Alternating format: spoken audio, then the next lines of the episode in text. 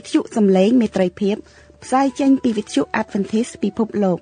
នាងខ្ញុំ Erica Pha ហើយខ្ញុំចនព្រីស្លីផាសូមគោរពនិងស្វាគមន៍ចំពោះអស់លោក លោកស្រី និងប្រិយមិត្តអ្នកស្ដាប់ទាំងអស់ជាទីមេត្រី បងប្អូនលោកអ្នកកំពុងស្ដាប់ដំណឹងល្អពីវិទ្យុសំឡេងមេត្រីភាព ដែលផ្សាយចេញជាភាសាខ្មែរមួយថ្ងៃពីរលើកព្រឹកពីម៉ោង6ដល់ម៉ោង6:30នាទី ពេលល្ងាចពីម៉ោង8ដល់ម៉ោង8:30នាទីយប់តាមរលកធាតុអាកាសខ្លី short wave 15150 kHz កម្ពស់19ម៉ែត្រ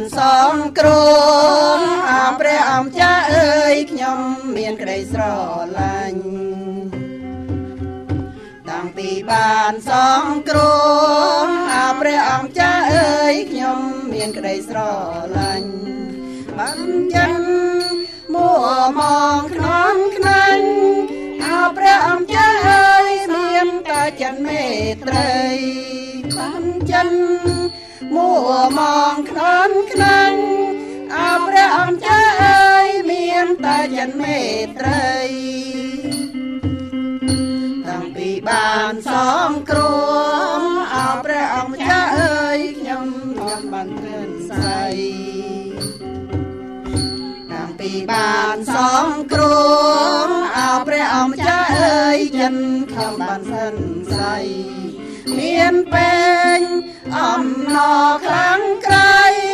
អោព្រះអង្គម្ចាស់អើយសង្ឃមិនរលត់មានពេញអំណរខ្លាំងក្រៃអោព្រះអង្គម្ចាស់អើយសង្ឃមិនរលត់សូមជម្រាបសួរបងប្អូនខ្ញុំនឹងអានព្រះគម្ពីរម៉ាថាយចំពោះ4ខ10 នោះព្រះយេស៊ូវមានបន្ទូលតបថាណែសាតាំងចូលឯងថយចេញពីអញទៅត្បិតមានសេចក្តីចែងទុកមកថាឯងត្រូវថ្វាយបង្គំដល់ព្រះអង្គម្ចាស់ជាព្រះនៃឯងហើយឲ្យគោរពដល់ទ្រង់តែមួយព្រះអង្គប៉ុណ្ណោះជម្រាបសួរបងប្អូន Happy Sabbath Jesus said to him away from me Satan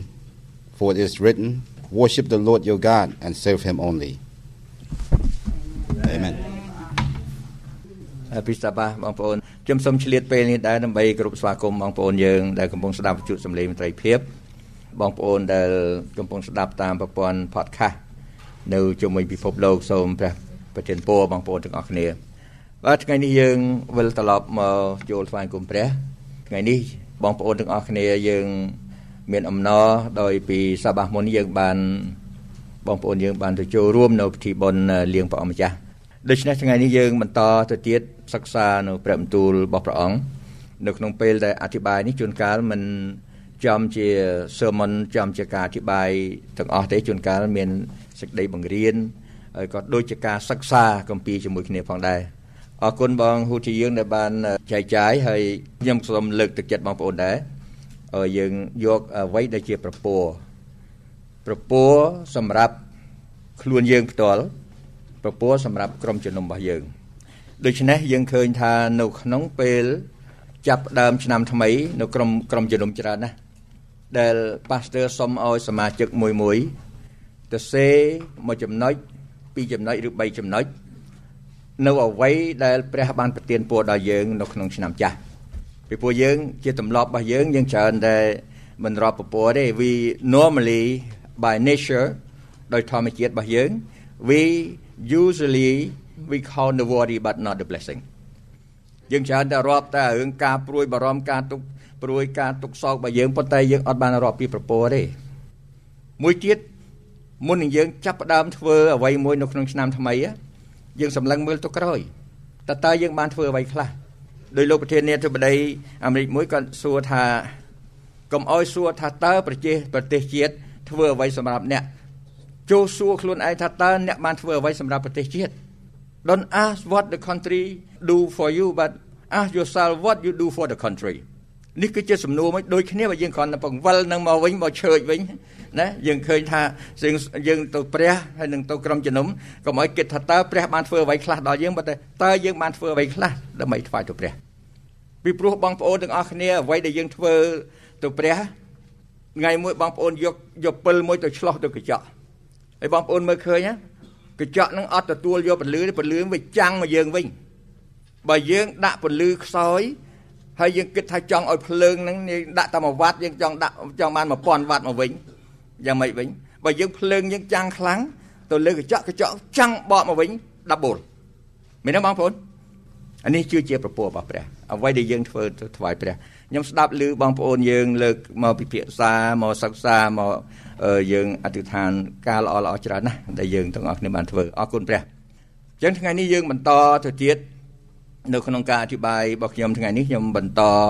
នៅក្នុងព្រះគម្ពីរម៉ាថាយដដែលម៉ាថាយដដែលយើងបន្តនៅក្នុងម៉ាថាយជំពូក4ខ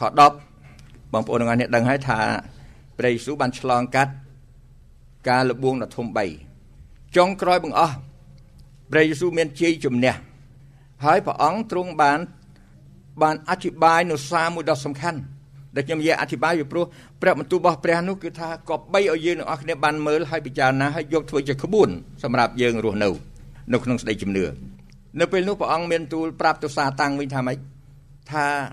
ណែសាតាំងចូលចេញពីឯងទៅត្បិតមានសេចក្តីចែងទៅមកថាចូលថ្វាយបង្គំដល់ព្រះតែមួយប៉ុណ្ណោះ ខ្ញុំគាត់នៅ paraphrase លើសង្ខេបយើងនឹងមើលបទទូលពិស្ដាបន្តទៀតដូច្នេះថ្ងៃនេះយើងនាំគ្នាមើលថានៅក្នុងនេះចុងបញ្ចប់ព្រះយេស៊ូវបាន ប្រាប់ទៅសាតាំងវិញ សាតាំងគឺអ្នកដែលប្រឆាំងមួយព្រះ ដែលអ្នកដែលមកដើម្បីនឹងអឺបង្វែរប្រពោះឲ្យទៅជាបណ្ដាសាឲ្យមនុស្សទាំងអស់បានដើរតាមដូច្នេះយើងកន្លែងហ្នឹងមួយយើងមើលឃើញថាសាតាំងវាវាហៅដែរវាហៅមនុស្សឲ្យថ្វាយគុំវាដែរ សូម្បីហៅទៅដល់ព្រះយេស៊ូវទៀតបងប្អូនពិចារណាមើលមើលទៀតមិនមិនហៅត្រឹមយើងទេប៉ុន្តែព្រះយេស៊ូវបានបង្រៀនទៅវាវិញថាឲ្យថ្វាយបង្គំព្រះឥឡូវនេះយើងនាំគ្នាអធិដ្ឋានសំពោព្រះបើពុទ្ធពវបិតាទូមគុំសូមអធិដ្ឋានថ្ងៃនេះសូមព្រះអង្គប្រទានពរនៅព្រះវិញ្ញាណបរិសុទ្ធនៅការយល់ដឹងដល់ទូមគុំទាំងអស់គ្នាពវបិតាសូមទ្រង់ប្រទាននៅអ្វីដែលទូមគុំទាំងអស់គ្នាមិនមានចំណេះចេះដឹងអ្វីដែលទូមគុំមិនចេះដឹងហើយ ដែលព្រះអង្គទ្រង់ចង់ឲ្យទូមគុំទាំងអស់គ្នាបានទទួលអំពីទ្រង់សូមព្រះជាម្ចាស់ចាក់បង្អមកជាប្រពោដល់បរិបូរដល់ទូមគុំទាំងអស់គ្នាទូមគុំសូមអធិដ្ឋានដោយនៅព្រះនាមព្រះចាស់ព្រះយេស៊ូវគ្រីស្ទអាមែន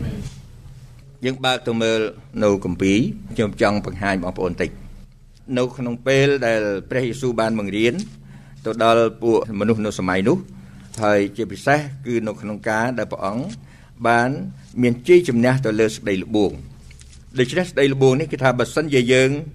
មើលនៅក្នុងវិធីសាស្ត្ររបស់ព្រះយេស៊ូវគឺព្រះយេស៊ូវបានចង្អុលទៅឯព្រះបន្ទូលរបស់ព្រះបងប្អូនអានជាមួយគ្នាម្ដងទៀតយើងមើលឃើញកន្លែងខ្ញុំចង់បង្ហាញត្រួសត្រួសប្រហែលជា4 10នាទីនៅការអស្ចារ្យមួយបងប្អូនយើងមើលនៅក្នុងនេះគឺថាបង្ហាញនៅលេខ40បងប្អូនមើលនៅគម្ពីរម៉ាថាយចំពុក4នៅគ្រាគ្រានោះព្រះវិញ្ញាណនាំព្រះយេស៊ូវទៅទីរហោឋានដើម្បីឲ្យត្រូវអារៈលបួង កាលទ្រង់ត្រូវតម40ថ្ងៃ40យប់ហើយក្រោយមកទ្រង់ឃ្លានមេលបួងក៏មកទូលទ្រង់ថាបើអ្នកជាព្រះបុត្រានៃព្រះមេតចូលបង្កប់ថ្មទាំងនេះឲ្យត្រឡប់ទៅជានំប៉័ងទៅតែទ្រង់មានបន្ទូលតបថាមានស្ដីចែងទៅមកថាមនុស្សមិនមែនរស់ដោយសារតែនំប៉័ងប៉ុណ្ណោះទេគឺរស់ដោយសារគ្រប់ទាំងព្រះបន្ទូលដែលចែងពីព្រះអស់ព្រះមកដែរបងប្អូនទាំងអស់គ្នាមើលឃើញយ៉ាងម៉េចកន្លែងនេះគឺព្រះបន្ទូលរបស់ព្រះសំខាន់ណាស់ មនុស្សមិនអាចរស់នៅបើពេលដែលព្រះយេស៊ូវបានមានព្រះបន្ទូលគឺព្រះអង្គបានធ្វើទីផ្ទាល់ណែផ្ទាល់អង្គទ្រង់រួចទៅហើយគឺទ្រង់40ថ្ងៃ40យប់ហើយពេលដែលរៈមកលបួងគឺមិនមែននៅព្រះអង្គនៅនៅខ្លាំងនៅនេះទេគឺថា40ថ្ងៃ40យប់ដូច្នេះយើងមើលឃើញកន្លែងនេះមួយគឺជារឿងសំខាន់លេខ40គឺជាលេខមួយដ៏អស្ចារ្យខ្ញុំចង់បង្ហាញកន្លែងនេះតិចពីព្រោះនៅក្នុងអ្នកស្ដាប់ព្រះបន្ទូលព្រះអង្គទី1បើគេមិនជឿថាព្រះបន្ទូលគឺជាព្រះបន្ទូលរបស់ព្រះគឺអត់ប្រយោជន៍សម្រាប់គេ ហើយបើសិនជាគេមិនជឿថាព្រះនោះគឺជាព្រះដែលជាប្រភពនៃជីវិតទេគឺគេមិនអាចនឹងទទួលបានដូច្នេះខ្ញុំមើលឃើញចំណុចមួយសំខាន់ណាស់ដែលយើងទាំងអស់គ្នាត្រូវដឹងថានៅក្នុងព្រះគម្ពីរមានមនុស្ស3នាក់នៅក្នុងគម្ពីរដែលបានទទួលបទពិសោធន៍គឺតមអត់អាហារ40ថ្ងៃ40យប់នៅក្នុងនោះមានអ្នកណាខ្លះបងប្អូនយើងមើលឃើញលោកម៉ូសេបាទពេលទៅទទួលនៅអឺក្រិតនៃ10ការពីព្រះនៅលើភ្នំព្រះភ្នំស៊ីណាយយើងឃើញមួយទៀតឃើញលោកអេលីយ៉ា លោកអេលីយ៉ាក៏គាត់តាមអត់នៅ40ថ្ងៃ40យប់ដែរមួយទៀតយើងឃើញព្រះយេស៊ូវដែលព្រះអង្គទ្រង់បានធ្វើការតមហានេះដែរនៅក្នុងរយៈពេលនេះគឺខ្ញុំចង់បង្ហាញប្រាប់បងប្អូនថា មនុស្សយើងមានការមួយដ៏សំខាន់តើយើងទាំងអស់គ្នាដឹងទេថាយើងមនុស្សម្នាក់ម្នាក់ណាគឺជាមធ្យមមនុស្សម្នាក់ម្នាក់គឺថាយើងត្រូវឆ្លងកាត់40អាទិត្យមុននឹងកើតមកជាមនុស្សត្រូវឆ្លងកាត់40 40ប្រហែលដងបងប្អូន47ដងគឺថាអាចលើសឬខ្វះនេះទួច40អាទិត្យមិនចឹងហ៎ព្រោះមួយអាទិត្យ7ថ្ងៃដូច្នេះយើងឃើញថានៅក្នុងពោះម្ដាយយើងយើងមិនតាន់កើតមកគឺមានទាំងអស់40អាទិត្យបងប្អូនទាំងអស់គ្នាឆ្ងល់ថាហេតុអីក៏អញ្ចឹងថាយើងគិតមើលមនុស្សម្នាក់ម្នាក់ចាប់កំណើតនៅក្នុងពោះម្ដាយនៅផ្ទៃក្នុងពោះម្ដាយម្ដាយពោះពោះទាំងអស់9ខែ10ថ្ងៃ9ខែគុណនឹង30 270 10ថ្ងៃបូក10ទៀត208 208ចែកឲ្យ7ឃើញ40ដូច្នេះមនុស្សយើងត្រូវឆ្លងកាត់40នឹង7ដងនោះតម្រាំឆ្លងមកប៉ុន្តែខ្ញុំចង់បង្ហាញប្រាប់បងប្អូនរឿងមួយទាំងថាគ្រប់ជីវិតទាំងអស់ដែលកើតមកមានជីវិតនឹងគឺត្រូវឆ្លងកាត់មូលដ្ឋានលេខ7ទាំងអស់ដែលព្រះបង្កើតលោកសន្និវាសមក7ថ្ងៃដែលលោកតាលើកមកត្រួសត្រួសមាញ់មិញចឹង7ថ្ងៃហ្នឹងគឺថាចប់សពគ្រប់អស់លោកសន្និវាសទាំងថ្ងៃទី7ព្រះអង្គបង្កើតប្រព័ន្ធនៃការថ្វាយបង្គំ ប៉ុន្តែជីវិតទាំងអស់ត្រូវមាន base មានមូលដ្ឋានវា7លោកបងប្អូនទាំងអស់គ្នាមើលមនុស្ស40គុណ7វា280 280គឺ9ខែ10ថ្ងៃ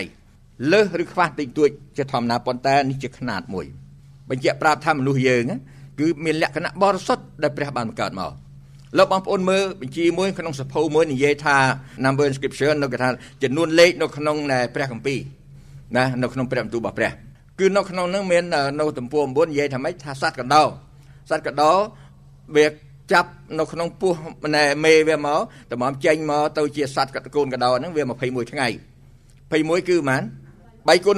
7ហេតន្សាយកណ្ដោកណ្ដោប្រែងអឺ28 28គឺ4គុណ7បាទសត្វឆ្មា56ថ្ងៃពោះពោះ56ថ្ងៃទេគឺ8គុណ7 សត្វឆ្កែប្រហែលបងប្អូនឆ្កែយូរយ៉ាងតិច63 63 9គុណ7សត្វតោ98គឺ14គុណ7សត្វជៀម147ទៅ21គុណ7បងប្អូនទាំងអស់គ្នាឃើញទេនេះគឺគ្រាន់តែយើងយកមកបែពូជមនុស្សវិញគឺ40គុណ7 280ដូច្នេះខ្ញុំចង់បង្ហាញកន្លែងនេះចង់បង្ហាញថាព្រះដែលយើងថ្វាយគុំនេះគឺព្រះអង្គមានលក្ខណៈមួយថាជីវិតទាំងអស់កើតមកពីព្រះ មិនមែនដោយការចៃដន្យទេហេតុអីបានជាជីវិតទាំងអស់ហ្នឹងវាត្រូវមានមូលដ្ឋាននៅលេខ7ទាំងអស់ពីព្រោះ7គឺជាលេខបរិសុទ្ធមួយដែលព្រះបានបង្កើតមកនេះខ្ញុំចង់ទាញអារម្មណ៍បងប្អូនទាំងអស់គ្នាថាព្រះបន្ទូលរបស់ព្រះអង្គ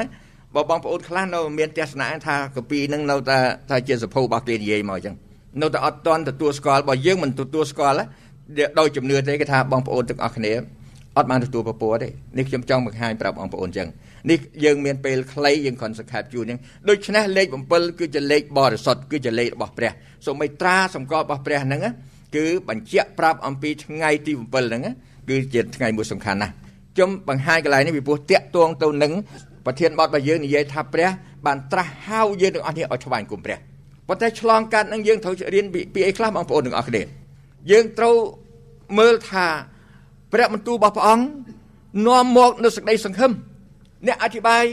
ដល់ពិសេសពិសេសគាត់បាន លើកមកថាម៉េចគាត់ថាមនុស្សអាចរស់នៅដោយអត់អាហារបានរាប់ថ្ងៃអត់ទឹកបានរាប់ម៉ោងអត់ខ្យល់បានរាប់នាទីប៉ុន្តែគេមិនអាចរស់បានក្នុងវិនាទីតែប៉ុណ្ណោះប្រសិនបើគេខ្វះនៅសេចក្តីសង្ឃឹមតើសេចក្តីសង្ឃឹមយើងបានមកពីណាបងប្អូនមានតែមកពីព្រះទេគឺជាព្រះនៃសេចក្តីសង្ឃឹមគឺជាសេចក្តីសង្ឃឹមដ៏មានពរ គឺនៅក្នុងព្រះយេស៊ូវគ្រីស្ទជាម្ចាស់តើយើងទាំងអស់គ្នាយល់ថាម៉េចតើព្រះយេស៊ូវដែលយើងថ្វាយបង្គំដែលយើងជឿព្រះអង្គគឺជាព្រះអង្គគឺជាព្រះជាព្រះអង្គណាមួយតើអ្នកគ្រីស្ទៀនយើង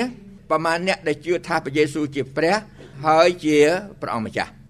ដែលគេនាំគ្នាប្រពធ្វើពិធីបុណ្យណូអែលគេថ្វាយបង្គំព្រះអង្គនៅលើទីអាសនាគេនាំគ្នាពាក់ឈើឆ្កាងរបស់ព្រះយេស៊ូវទៅទៀតគេថាគេយកនាមរបស់ព្រះអង្គមកទៀតដែលហៅថាគ្រីស្ទៀននោះ ប៉ុន្តែតើគេស្ដាប់នៅព្រះបន្ទូលដែលចេញពីប្រអស់របស់ទ្រង់មកដែរឬទេតើយើងជាអ្នកគ្រីស្ទៀនយើងស្ដាប់តាមគ្រប់ទាំងព្រះបន្ទូលដែលចេញពីប្រអស់របស់ព្រះមកដែរឬទេយើងមើលឃើញបទបន្ទូលច្រើនណាស់ដែលបានចង្អុលបង្ហាញប្រាប់ដែលខ្ញុំលើកមកកន្លែងនេះខ្ញុំចង់បង្ហាញប្រាប់បងប្អូនថាយើងទាំងអស់គ្នាជាមនុស្សដែលជឿព្រះបើព្រះរបស់យើងទទួលការលបួង3ដងតើយើងទាំងអស់គ្នាអាចនឹងជៀសផុតពីការលបួងបានទេបងប្អូនអត់ទេ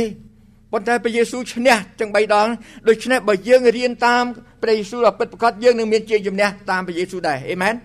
ដូច្នេះយើងត្រូវមើលឡើងវិញថាតើព្រះយេស៊ូវបានជ័យជំនះលើការលបួងដោយរបៀបណា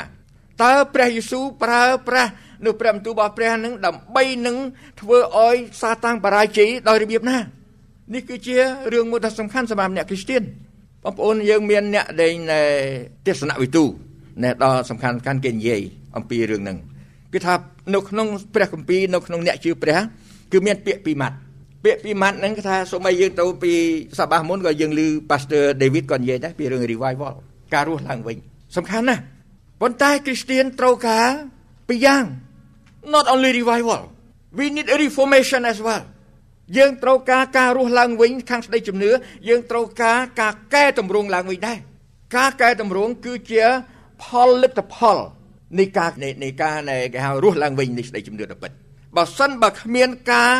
កែតម្រង់ទេនោះការដែលរស់ឡើងវិញនោះគឺថាវាគ្រាន់តែចេញពីបបោមកតែប៉ុណ្ណោះប៉ុន្តែអត់ស្ដែងចេញទៅជាទង្វើទេចឹងបានគេនិយាយថាម៉េចគេថា revival reformation is the product of true revival product product គឺជាលទ្ធផលបាទដូច្នេះបងប្អូនទាំងអស់គ្នាយើងមើលនៅក្នុងនេះគឺថាសំខាន់ណាស់យើងតិចទៀតយើងនាំគ្នាមើលថាព្រះយេស៊ូវ ដែលព្រះអង្គគឺជាព្រះដែលជួយយើងណាថ្ងៃនេះខ្ញុំនឹងលើករឿងមួយដ៏អស្ចារ្យអំពីព្រះយេស៊ូវបានបំផ្លាស់ប្រែមនុស្សម្នាក់ហើយអ្នកនោះទៅជាមនុស្សមួយថ្មីអ្នកនោះទៅជាអ្នកដែល revival and reform គេថាបានអ្នកនោះទៅជាមនុស្សបានអឺគេហៅថារស់ឡើងវិញជំនឿហើយទាំងកែប្រែសន្តានរបស់គេថែមទៀតទេសនវិទូដែលខ្ញុំលើកមកនេះគាត់និយាយចេះម្នាក់ឈ្មោះ Ellen Glasgow គេ what happened is not as important as how you react to what happened តើតើនឹងជំនឿតើតើនឹងការប្រែ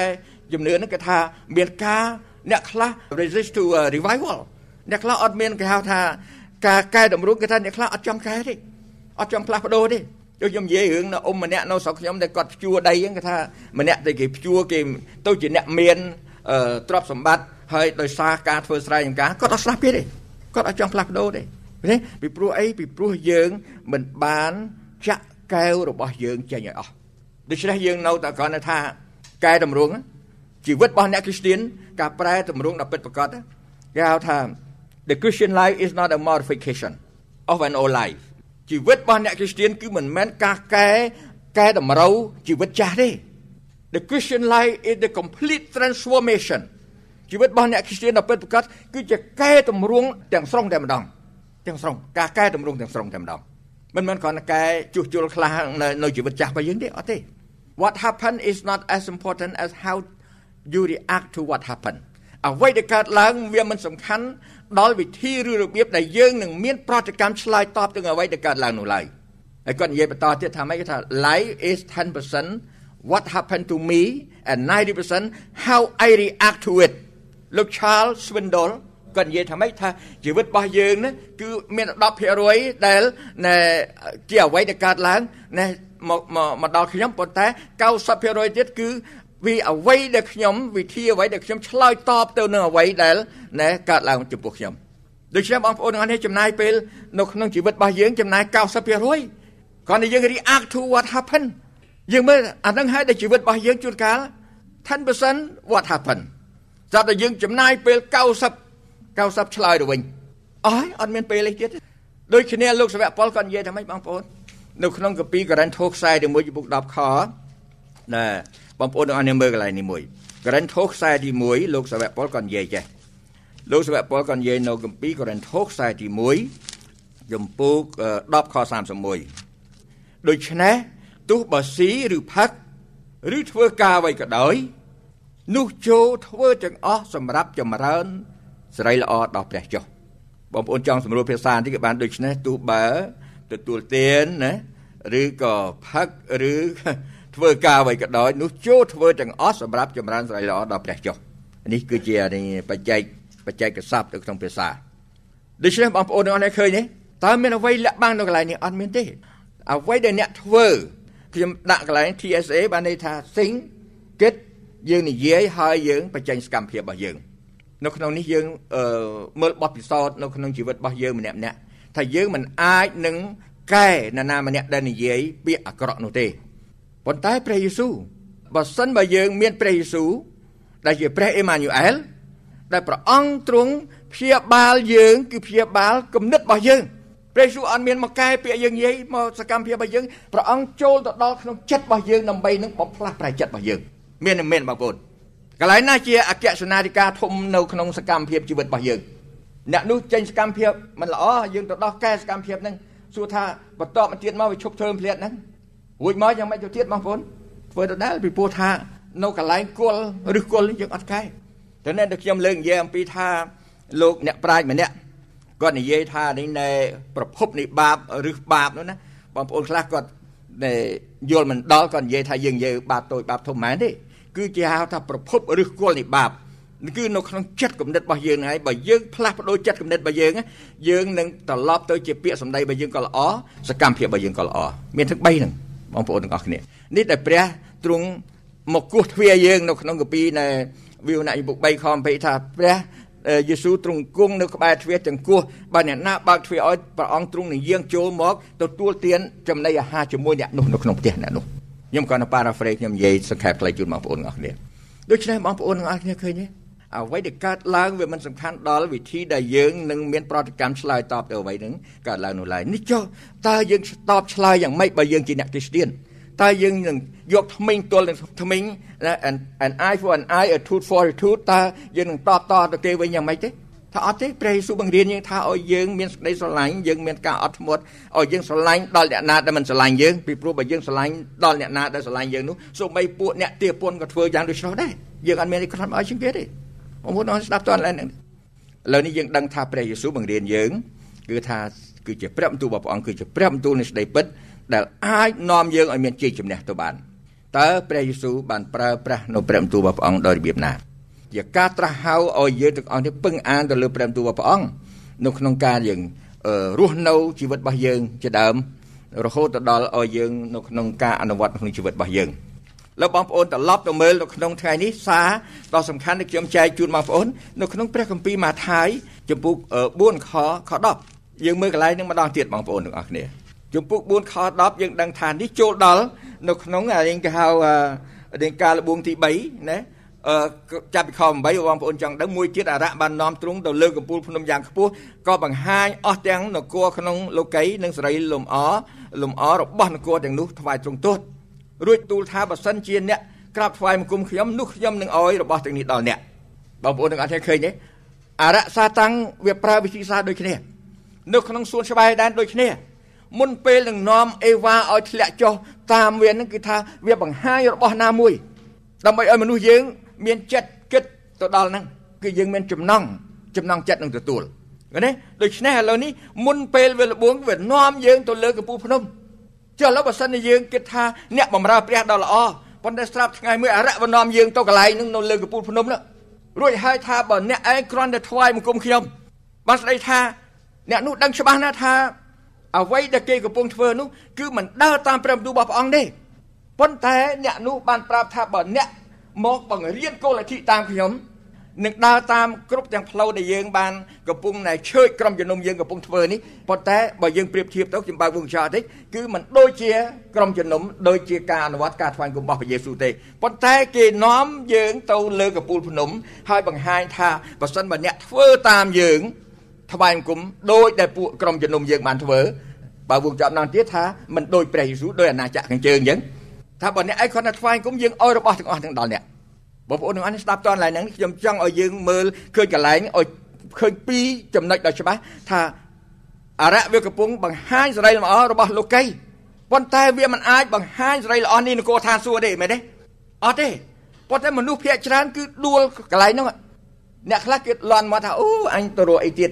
បើបានសក់គ្រប់ចេះហើយណាឥឡូវទៅណាទៀតអូខេសុខចិត្តដឹងហើយដែលយើងបានទទួលយក ការមួយដែលមិនដល់សេរីល្អរបស់ព្រះនេះខ្ញុំចង់រំលឹកប្រាប់អ្នកអធិប្បាយច្រើនណាស់ដែលធ្លាក់ចូលកន្លែងនឹងកន្លែងនេះបើសិនជាអរៈវេលបួងព្រះយេស៊ូវដូច្នេះបើលបួងពួកបើយើងជាមនុស្សសាច់ឈាមពិបាកបងប្អូនទាំងអស់គ្នាលើកលែងដល់បងប្អូនដើរតាមក្បួនព្រះយេស៊ូវដែលព្រះយេស៊ូវសម្រេចនៅក្នុងនេះព្រះអង្គមានទូលថាម៉េចខ10ថានោះព្រះយេស៊ូវមានទូលតបថាណែសាតាំងចូលថយចេញពីអញទៅណាចូលថយចេញពីអញទៅនេះព្រះយេស៊ូវចង់រៀនប្រាប់មនុស្សទាំងអស់ អ្នកណាដែលជាសាវករបស់ព្រះអ្នកណាដែលអធិប្បាយនៅព្រះបន្ទូលរបស់ព្រះអ្នកណាដែលជឿក្នុងព្រះនាមព្រះអង្គគឺត្រូវយកគំរូកន្លែងនេះមួយគឺជាចុងបញ្ចប់អស់ណែសាតាំងយើងត្រូវស្គាល់ច្បាស់ថាបើសិនបើអ្នកណាមួយនាំមកបង្ហាញយើងនៅអ្វីមួយដែលជាសេរីលម្អលើលោកីប៉ុន្តែគ្មានភាពបរិសុទ្ធនៃនគរឋានសួគ៌សោះអត់មានការថ្វាយគុំដល់ត្រឹមត្រូវអត់មានគំរូដោយព្រះយេស៊ូវសោះនេះយើងមិនអាចទទួលបានទេដូច្នេះចុងក្រោយមក ព្រះយេស៊ូវបណ្ដេញដល់ណែសាតាំងចូលថយចេញពីឯងទៅត្បិតមានសេចក្តីចែងទុកមកថាឯងត្រូវថ្វាយបង្គំដល់ព្រះអង្គម្ចាស់ជាព្រះនេះឯងហើយត្រូវគោរពដល់ទ្រង់តែមួយព្រះអង្គប៉ុណ្ណោះបងប្អូនមើលឃើញកន្លែងនៅក្នុងពីសញ្ញាចាស់នៅកន្លែងណាក្រឹតវិន័យទី1កុំអោយមានព្រះឯណានោះចំពោះអញសោះ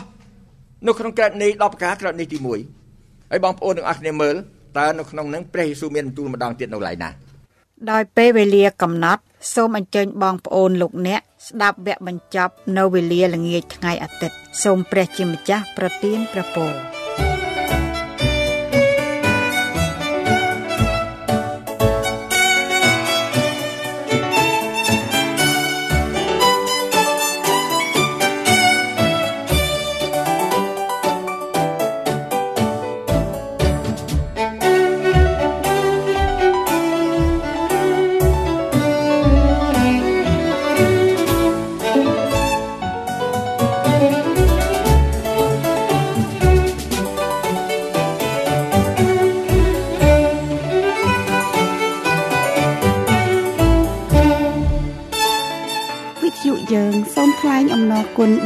អូនលោកអ្នកដែលបានយកចិត្តទុកដាក់ស្ដាប់